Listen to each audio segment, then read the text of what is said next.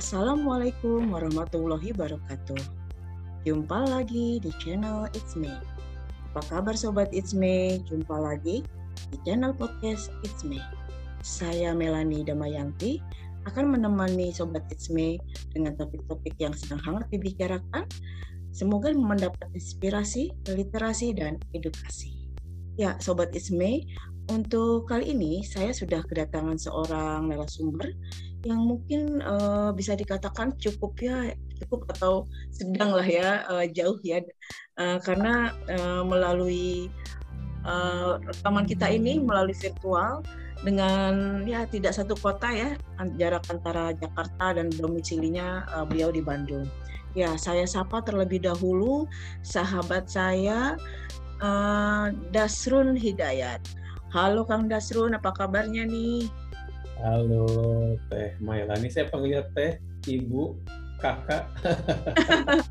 ya, yang ya. santai aja biasa manggil saya ya. Ya, uh -uh. ya Teh Mai aja ya, Teh Mailani okay Mayanti. Alhamdulillah saya sehat. Alhamdulillah.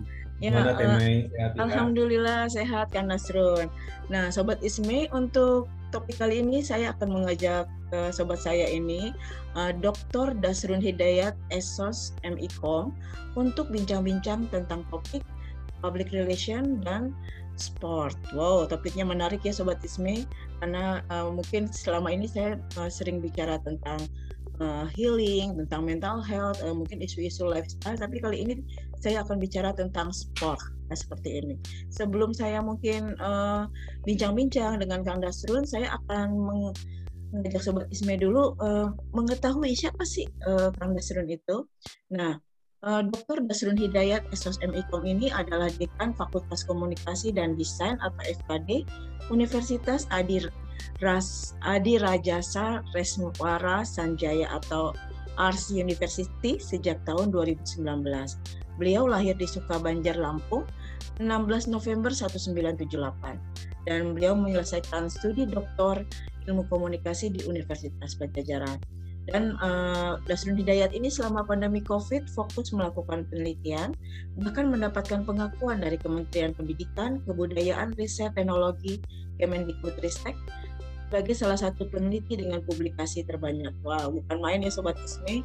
Kira-kira uh, tepat nih saya mengundang sahabat saya Dasrun untuk uh, sharing informasi berliterasi uh, di podcast Isme. Nah, sobat saya ini juga banyak sekali ya uh, uh, apa sih karya-karya ilmiahnya, entah itu dalam buku, jurnal, tulisan-tulisan yang saat ini beliau juga sedang menulis buku tentang dialektika relationship pasien sembuh COVID. Nah, uh, itulah uh, sekilas tentang uh, biodata atau mungkin uh, profil dari sahabat saya. Saya manggilnya dengan Kang Dasrun ya seperti itu. Uh, gimana keberatan nggak saya panggil Kang Dasrun atau mau Pak Dokter atau gimana? Justru, justru saya bersyukur dan terima kasih nih Teme dipanggil dengan Kang. Saya serasa uh, 10 uh, tahun lebih muda. ya, ya, ya. ya. Ya. Hmm. Kang Dasrun, uh, okay. gimana nih kabarnya nih? Lama ya. banget kita nggak ketemu ya, berapa tahun tuh? Hampir hampir hampir hampir empat tahun kayaknya ya uh, sejak sejak kita lulus 2017 mm-hmm. itu nampaknya kita belum pernah ketemu secara tatap muka dan uh, kondisinya kondisinya di, di, diperparah dengan kondisi covid kan ya jadi memang kita uh, semua kegiatan itu kita lakukan secara virtual gitu seperti itu sobat it's me ya saya yeah. saya sebutnya ya oke begitu Teh Mei Ya, uh, Kang Nasrun, sepertinya hmm. nih uh, setelah lama sekian purnama ya. kita nggak ketemu gitu. Banyak sekali ya. perubahannya nih ya Sobat Isme. Ya, Dulu tuh betul. terkenal klimis ya. Hmm. Sekarang mungkin uh, rambutnya gondrong kan. Juga dan yang terpenting walaupun pandemi Covid ini kelihatan tetap bugar dan sehat. Nah, Betul. apa sih ini rahasianya nih Kang Dasrun? Yes, uh, sebetulnya ada ada tiga tiga rahasia ya. Pertama kita harus harus harus banyak doa ya. Mm-hmm. Yang kedua adalah harus happy karena happy mm-hmm. itu sangat sangat bisa membangkitkan dan membangun mentality kita dan yang terakhir adalah kita harus rajin olahraga nih tim gitu ya jadi harus uh, daily itu setiap hari itu ya setidaknya adalah meskipun 15 menit kita gerak-gerak badan, jogging atau dan sebagainya. Itu sih sebetulnya tipsnya sobat It's Me uh, gimana kita menjaga kebugaran terutama di masa pandemi dan juga di uh, masa endemi ya seperti itu uh, dan sobat It's Me. Wow bukan main ya. ya. Jadi uh, setiap hari kan Nasron berupaya tetap olahraga betul, walaupun betul, 15 menit betul, ya. Betul, wow. Betul, ya pantasan ya uh, sekarang lebih berisi, lebih sehat ya itu yang ya, mungkin. Alhamdulillah efek dari olahraga. Nah, uh, Kang Dasrun, uh, kita bincang-bincang tentang olahraga nih. Kalau menurut Kang Dasrun, uh, bagaimana sih uh, minat berolahraga masyarakat kita? Alright, jadi gini, uh, ya sahabat Ismi, tapi sebelumnya saya ucapkan terima kasih banyak nih uh, Remy ya atau uh, kalau di kampus sih dulu kita manggilnya Mpok Main nih sobat Ismi. saya sudah diundang di channel podcastnya dan uh, memang apa namanya itu uh, tema yang yang yang diangkat oleh tema ini memang ada kaitannya dengan beberapa beberapa kajian saya tentang sport uh, public relation atau sport and public relation. Nah, kalau tadi terkait dengan minat ya, tema dan juga Sobat Ismi sih sebetulnya memang agak-agak diri sih sebetulnya ya. Uh, berdasarkan data itu yang saya saya peroleh dari hasil referensi yang saya baca gitu ya bahwa jumlah penduduk Indonesia ini yang aktif loh ya it's sahabat it's me impor olahraga itu persentasenya baru mencapai 35,7 persen loh kebayangkan ya baru 35,7 persen dari uh, penduduk Indonesia itu totalnya kurang lebih populasinya sekitar 260 juta jiwa atau 260 juta orang begitu Teme. Jadi memang minatnya masih masih sangat-sangat kurang ya uh, masyarakat Indonesia untuk untuk mar, uh, berolahraga. Dan ini juga pun sih sebetulnya menjadi PR bersama dan juga PR Kementerian Pemuda dan Olahraga tentunya ya bagaimana untuk menstimulus mendorong masyarakat Indonesia untuk rajin berolahraga gitu. Gitu uh, Teme ya uh, ini Kang Nasrun. Uh, tepat sekali ya. Uh, mungkin apalagi sekarang mungkin uh, punya pengaruh buat Nasrun. Pandemi ya. Sekarang uh, mungkin selain pandemi kita kan sekarang udah lebih dipermudah dengan adanya uh, ini ya ojek online atau ya. Hmm, betul. Yang kadang-kadang nah. orang males mau beli makan udah ada GoFood ya. atau GrabFood, Shopee. Terus kita mau pergi jalan dikit kita pakai ini ya uh, si online atau ini jadi mungkin kesempatan untuk bergerak yang harusnya itu kita betul, lakukan betul. karena ada kemudahan-kemudahan itu jadi ya kadang-kadang kita jadi hmm. mungkin males gitu ya betul betul itu sangat sangat sangat sangat apa namanya itu sangat relate ya uh, TMI ya dan memang memang ada ada kaitannya atau ada hubungannya terkait dengan dengan situasi pandemi ini ya. Perilaku komunikasi uh, masyarakat itu juga drastis berubah termasuk kebiasaan-kebiasaan yang tadinya jalan kaki. Setidaknya kalau kita rajin rajin uh, jalan kaki ya itu bisa membakar sedikit kalori kita gitu ya. Kita, kita keluar rumah beli makanan atau ketika kita kerja naik transportasi umum dan sebagainya. Namun uh, di beberapa waktu terakhir ini kan kita betul-betul dimanjakan oleh transportasi online gitu ya. Tidak hanya ketika akan beraktivitas keluar rumah tapi ketika kita uh, ingin memenuhi kebutuhan pun kita menggunakan transportasi online uh, at least jadi praktis kita sangat-sangat sedikit sekali kita melakukan gerak tubuh begitu ya. Nah ini juga menjadi uh, salah satu uh, kajian yang pernah diangkat oleh saudara Noni Puspitasari ya. Uh, dia mengangkat tentang tingkat minat masyarakat dalam olahraga di rumah pada saat pandemi COVID-19 ya. Di antaranya ya ya itu gitu ya me, me, me, menggali dan menyoroti bagaimana sih minat masyarakat berolahraga gitu ya di masa pandemi. Dan hasilnya memang masih sangat sangat sangat rendah gitu ya meskipun kita mengenal ada istilahnya work uh, work uh, work out from home gitu ya. Jadi berolahraga uh, di di rumah gitu. Tapi itu persentasenya sangat sedikit yang dilakukan oleh masyarakat. Jadi uh, berkaitan pertanyaan tadi uh, TMI itu sangat sangat berpengaruh TMI jadi mempengaruhi perilaku masyarakat yang tadinya pulang rumah berjalan kaki, lalu kemudian dengan adanya transportasi online ini betul-betul kita dinabobokan dan dimanjakan. Dan uh, parahnya lagi uh, olahraga yang rutin itu tidak dilakukan begitu. Begitu sahabat Ismi. Uh, kalau menurut Kang Nasrul sendiri nih hmm. berkaitan dengan minat olahraga uh, hmm. itu terjadi biasanya lebih cenderung ke arah mungkin masyarakat yang tinggal di kota dibandingkan mungkin mereka yang tinggal di pedesaan ya uh, hmm. atau mungkin di kota yang bukan di kota besar karena yang saya lihat kok kemarin sempat jalan-jalan dikit gitu ya Kang Dasrun ternyata hmm. aktivitas jalan kaki naik sepeda itu kan masih apa uh, banyak dilakukan gitu dibandingkan di Jakarta atau mungkin di Bandung oh. ya. Yang yes. dikit-dikit senangnya naik angkot naik uh, ojek online ya seperti itu. Yes.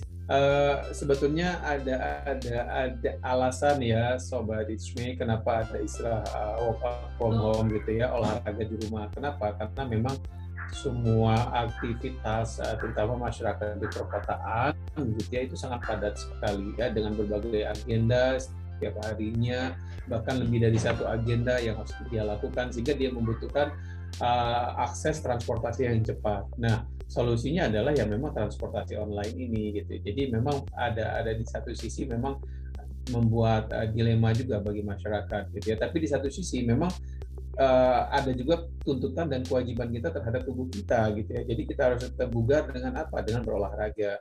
Nah, sehingga mau tidak mau kalau misalnya memang jadwal kita padat, terutama kita tinggal di kota Jakarta atau Bandung gitu ya, at least tetap kita harus bisa mengagendakan, kita harus uh, melakukan gerak, gerak gerak tubuh gitu ya atau gerak badan begitu. Uh, Sobat Remy. Ya, uh, Kak Nasrun, kalau mungkin boleh hmm. kita tadi kan saya mau melakukan perbandingan hmm. masyarakat di perkotaan dengan yang bukan di perkotaan. Nah sekarang mungkin saya mau melakukan perbandingan ini Kak Nasrun yang oh. tinggal di mungkin di Indonesia dengan yang di luar negeri khususnya di negeri barat gitulah oh. ya. Nah, ini orang-orang mungkin yang tinggal di barat gitu walaupun di kota ataupun yeah. yang minggir, tapi sepertinya etos untuk berolahraga, jaga kesehatan tuh lebih sudah tinggi. lebih tinggi ya. Kenapa ya kan Sadar, lebih aware. Jadi ah, gini lah, kita kita nggak usah nggak usah jauh-jauh ke Eropa, kita bandingkan negara sesama Asia lah ya di Thailand gitu ya. Uh, bahkan Thailand itu sudah ada ada ada istilah uh, sport tourism gitu ya. Jadi olahraga itu betul-betul sudah jadi objek uh, industri gitu ya, dijadikan objek tourism. Nah di itu salah satu strategi negara Thailand untuk apa? Untuk untuk mendorong, menstimulus masyarakat di Thailand untuk cinta terhadap olahraga dan mau tidak mau tentu itu akan apa namanya itu akan uh, meningkatkan partisipasi masyarakat ya minat masyarakat untuk berolahraga. Nah artinya di sini memang perlu uh, trik-trik dan strategi-strategi semua semua unsur gitu ya yang memiliki kepentingan terhadap uh, dunia olahraga di Indonesia terutama uh, apa Pak Menteri dan rekan-rekan yang ada di Kemenpora ya menurut saya ya bagaimana kita bisa mengaca atau berkiblat pada Thailand ya yang mereka sudah fokus pada sport tourism. Nah dengan sport tourism itu artinya itu secara tidak langsung juga bisa memberikan pendapatan uh, negara gitu ya dari uh, dari bidang uh, olahraga. Contoh misalnya uh, kalau tidak salah ya di Thailand itu dari industri olahraga ya dia bisa memproduksi pakaian olahraga itu bisa mencapai 6,37 miliar dolar Amerika Serikat. Bayangkan gitu ya.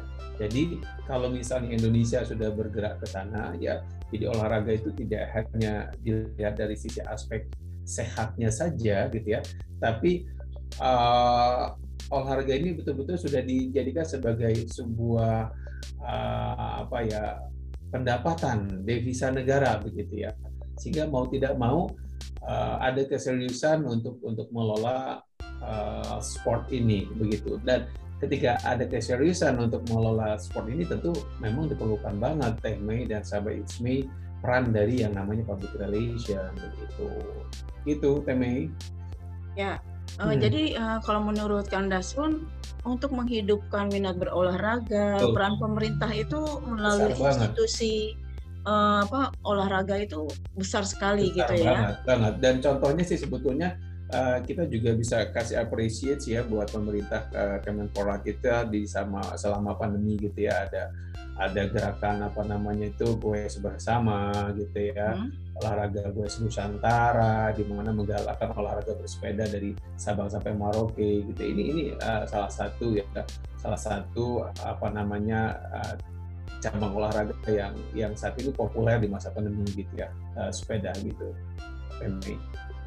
Oh gitu ya. ya. Nah uh, di sini kalau mungkin uh, Kang Dasrun uh, mengetahui kira-kira uh, institusi olahraga mana yang menurut Kang Dasrun itu uh, bagus ya, entah bagus dalam arti uh, mensosialisasikan, mempromosikan cabang olahraga yang ada di bawah naungannya sih sebetulnya memang yang cabang olahraga itu yang jelas ya memang sudah menjadi tugas dari dari dinas uh, dinas pariwisata pemuda dan olahraga dan pariwisata ya.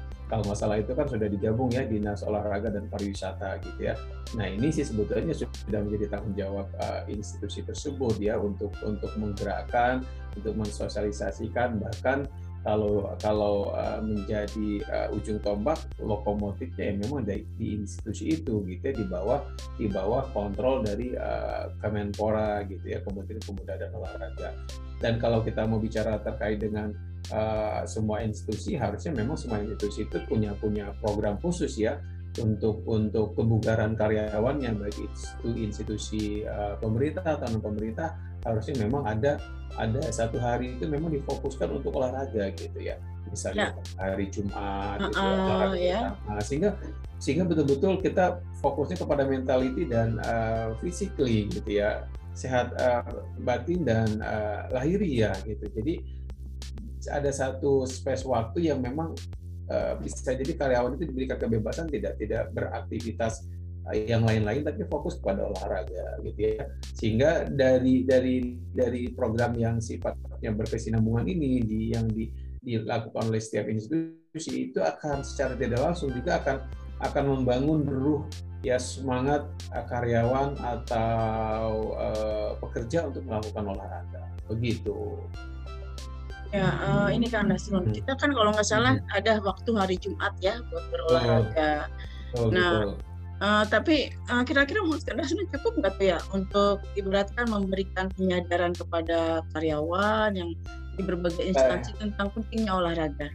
Saya rasa sih cukup ya uh, timingnya ya dalam satu minggu satu hari itu khusus untuk olahraga sih saya rasa cukup gitu ya setidaknya memang ada ada ada jadwal rutin yang dilakukan secara bersama. Di samping itu pun juga uh, itu akan menjadi pemantik kita untuk rajin berolahraga di hari-hari di luar hari itu gitu ya, atau di luar hari Jumat biasanya kalau di hari Jumat. Karena rata-rata kan institusi itu olahraga itu dari Jumat ya seperti itu gitu.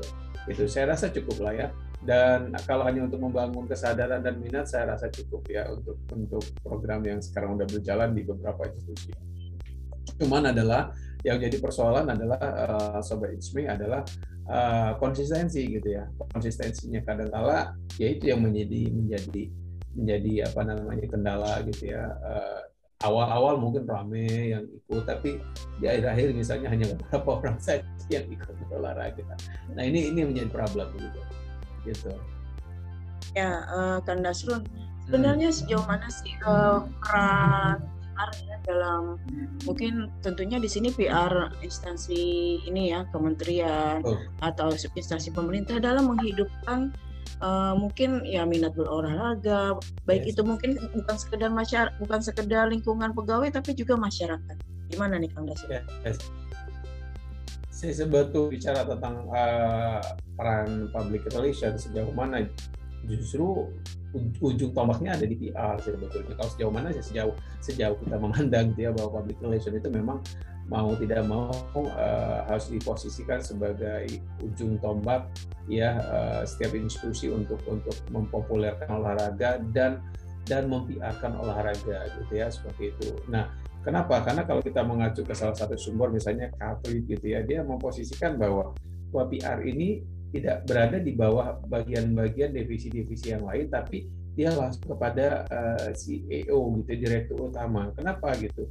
Karena ketika public relation ini melakukan riset, melakukan analisis, membuat sebuah program PR gitu ya, dia langsung bicara dengan uh, pimpinan tertinggi.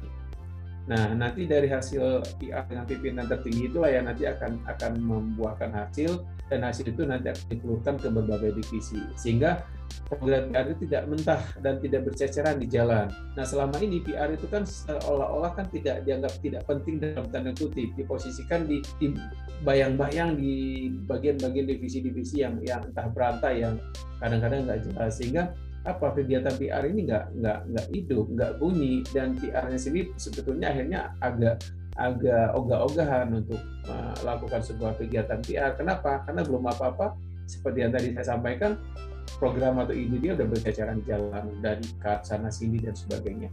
Oleh karena itu harusnya memang PR ini diposisikan terutama bagi institusi ya ya ketika memang dia sangat aware dengan olahraga, PR ini salah satu diberikan mandat untuk apa? Untuk membangun relationship, internal relationship dan juga external relationship melalui kegiatan olahraga. Mungkin salah satu program yang yang dirancang oleh PR itu adalah olahraga sport public relation. Dan ketika akan merancang program itu harusnya memang uh, struktur dan uh, apa namanya jalur-jalur komunikasi dan arus informasi itu memang langsung ke, ke, ke pimpinan gitu. Begitu ya. Nah itu gambaran bahwa PR itu sangat-sangat penting. Nah Uh, di samping itu, kenapa PR ini penting terkait dengan konteks kita diskusi malam hari ini ya, sobat Ismi gitu ya, terkait dengan olahraga.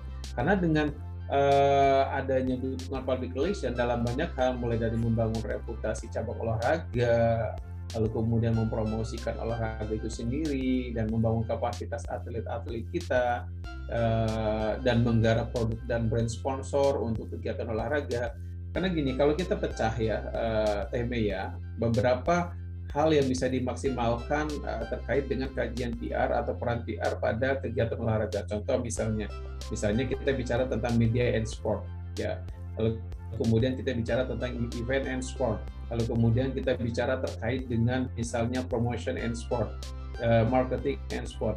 Lalu kemudian uh, community and sport dan sebagainya. Dan itu semua bisa digarap oleh oleh seorang public relation gitu. Jadi betul-betul sangat-sangat besar dan penting peran public relation sehingga uh, apa dengan adanya peran PR ini akan akan akan meningkat juga gitu ya dan berkembangnya olahraga uh, olahraga termasuk dalam konteks sekarang ini gitu ya di tengah kita sudah berada di disruptive era gitu ya, di mana semua kegiatan kita dilakukan secara virtual, ditambah lagi dengan pandemi, mau tidak mau juga bisa bergeser berkembang olahraga secara digital atau e-sport gitu. Yang dipercaya sebagai nanti transportasi di bidang olahraga di masa yang akan datang. Gitu Temei. Iya uh, so, ya uh, kalau menurut Kang Dasruni apa uh, selain pandemi dan juga uh, mungkin meningkatkan minat itu mungkin memerlukan proses waktu. Kira-kira tantangan apa nih yang uh, harus dihadapi PR, entah itu mungkin PR pemerintah atau mungkin uh, eh, PR institusi yang berkait untuk menumbuhkan minat masyarakat berolahraga? Si sebetulnya tantangan pertama sih dari sisi internal ya. Jadi sisi internal PR itu artinya harus ada support dari dari setiap institusi seperti yang tadi saya uh, state uh, di awal sebelumnya bahwa PR itu jangan boya jangan diposisikan di posisi yang seolah-olah tidak penting. Hanya hanya di bagian misalnya sorry ya misalnya di bagian bagian dari front office gitu ya. Padahal sebetulnya peran dan fungsi front office-nya PR itu berbeda banget gitu ya. Bahkan kalau kita bicara dari uh, salah satu kajian dari uh, Profesor uh, uh, Krishna Murti ya Krishna Murti gitu ya dari salah satu di uh, universitas di Zealand gitu ya dia mengatakan bahwa bahwa apa namanya PR itu sangat-sangat memegang apa namanya peran dan menjadi ujung tombak dari setiap perusahaan gitu ya.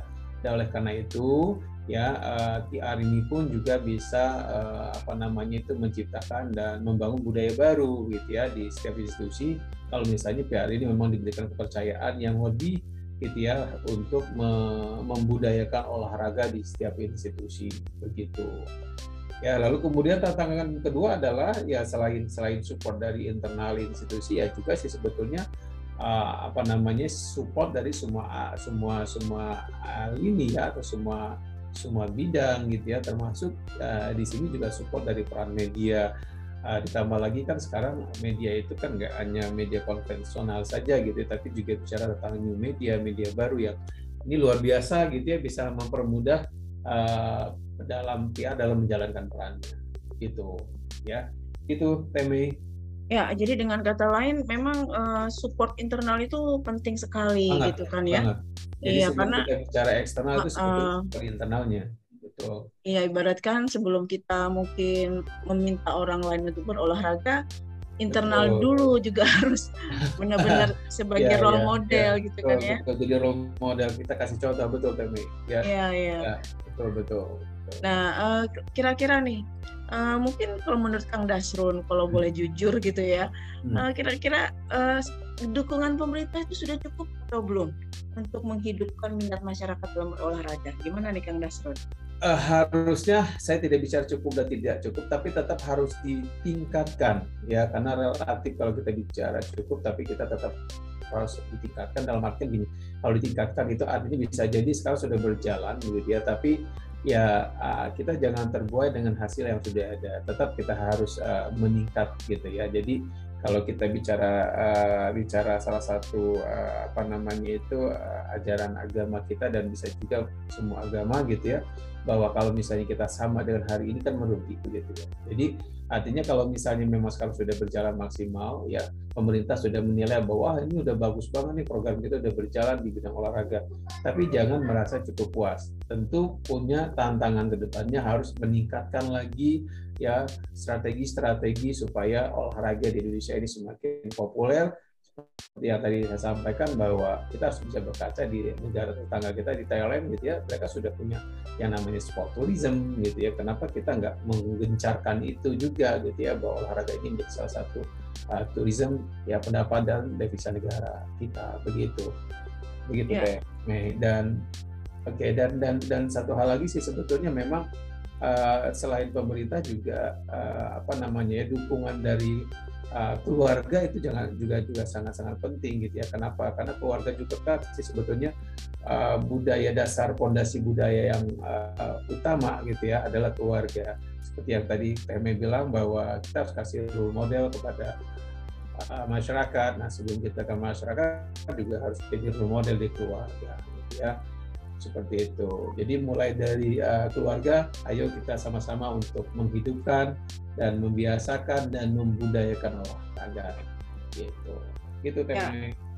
Uh, menarik nih uh, Kang Dasrun hmm. tadi uh, menyinggung tentang sport tourism ya. Hmm. Saya setuju sekali nih apalagi belum lama kan itu ya uh, hmm. di Mandalika ya kan. Oh, betul. Nah, terus kalau di satu sisi kita ini kan termasuk negara bahari di mana sebenarnya tuh potensi dari olahraga dayung itu kan besar sekali ya kalau seandainya bisa dihidupkan.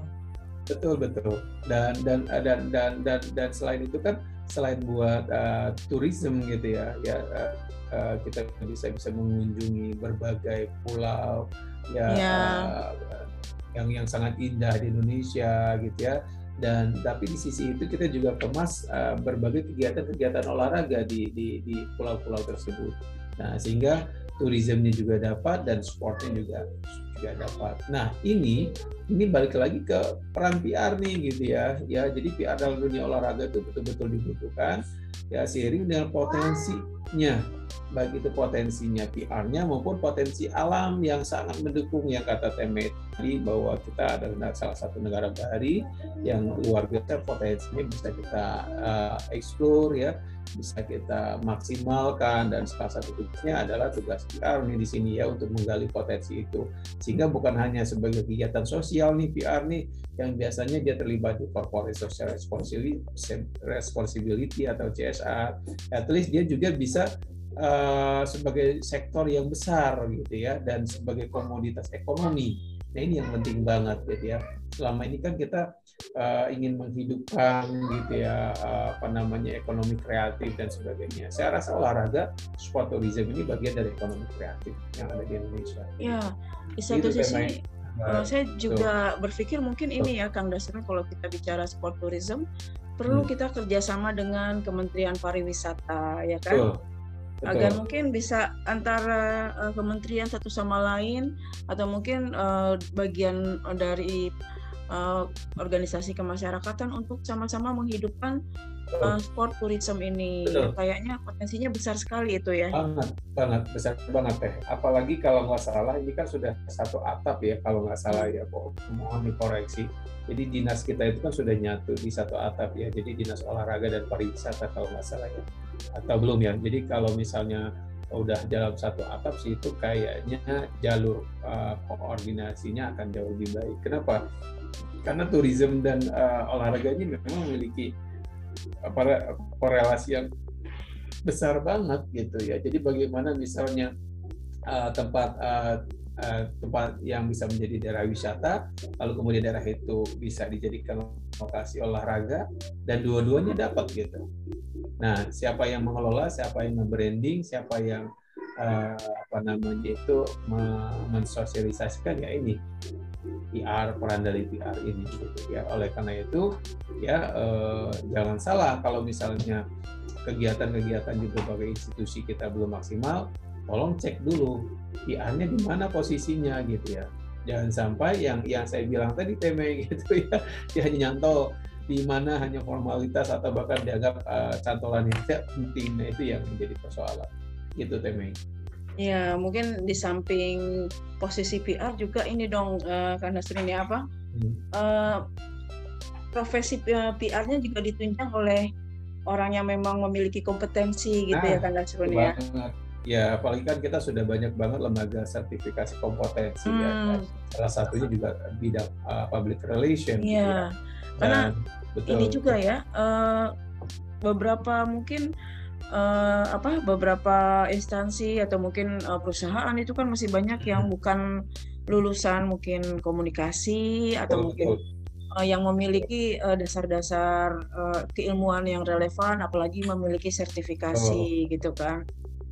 Betul betul betul. Tema saya setuju. Contoh begini deh kalau kita bicara tentang uh, promotion, uh, spot and promotion dalam konteks PR gitu ya, atau marketing and uh, spot and marketing dalam konteks PR itu dua hal yang berbeda gitu ya. Tapi tidak semua orang bisa memahami itu gitu. Contoh, ketika kita bicara tentang uh, spot and promotion dalam konteks uh, PR itu sebetulnya kegiatan yang uh, promotion itu dilakukan oleh internal ya orang-orang yang memiliki keterkaitan dengan uh, apa namanya olahraga itu sendiri gitu ya.